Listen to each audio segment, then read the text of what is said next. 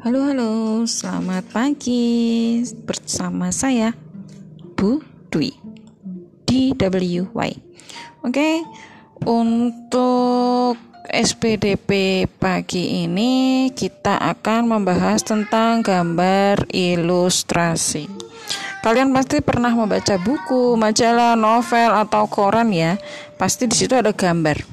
Nah, gambar itu namanya adalah gambar ilustrasi yang fungsinya untuk memperjelas maksud dan makna cerita melalui bahasa visual.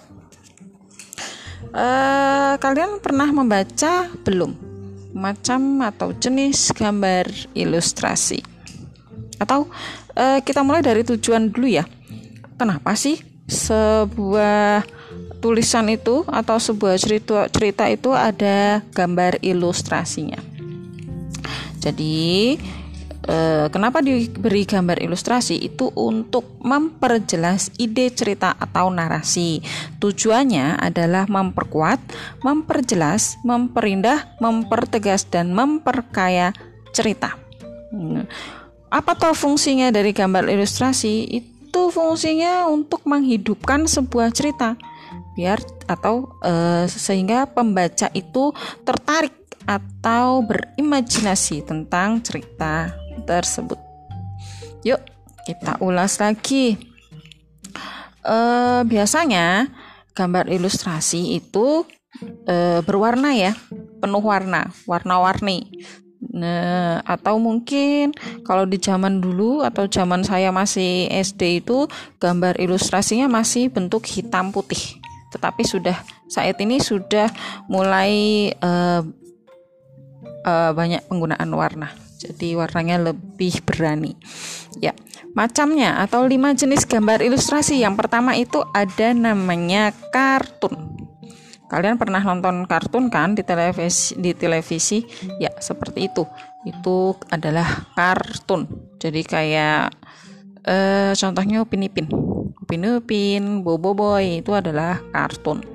Kalau zaman dulu itu karena saya saya lahir zaman dulu ya. Jadinya lebih cenderung ke buku atau media tulis. Di situ ada namanya komik. Tapi di dalam komik itu ada bentuk kartunnya. Kartun itu jadi bentuk perorangan. Kalau dulu itu ada penggambaran namanya Petruk Garing dan lain sebagainya. Itu di situ itu namanya kartun ya. Kemudian ada karikatur. Karikatur ini adalah gambar yang penampilannya dilebih-lebihkan jadi bisa terkadang bisa lucu unik dan mengandung kritik dan sindiran.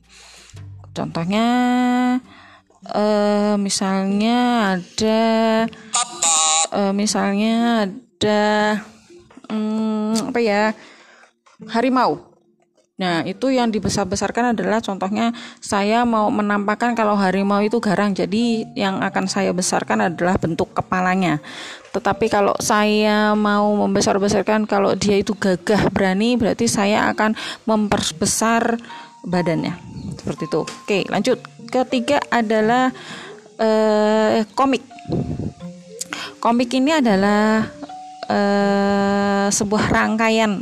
Jadi beberapa e, banyak rangkaian gambar yang saling melengkapi dan yang pasti adalah memiliki alur cerita.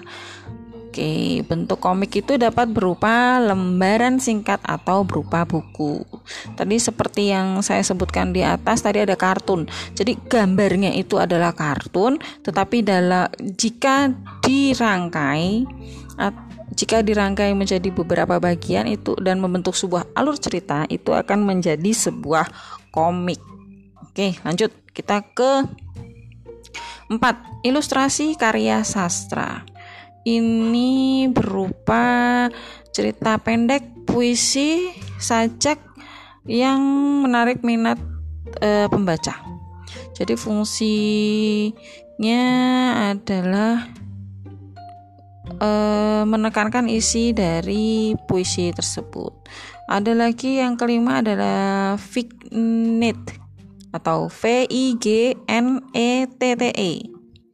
Ini sebagai pengisi dari sebuah cerita atau narasi. Jadi Vignette itu adalah gambar ilustrasi yang berbentuk dekoratif atau biasanya disebut dengan gambar dekoratif. Ini berfungsi sebagai pengisi bidang kosong pada gambar narasi. Jadi model hias biasanya di pinggir-pinggir uh, pinggir-pinggir uh, kertas gitu ya. Nah, cara membuat gambar ilustrasi itu bagaimana ya?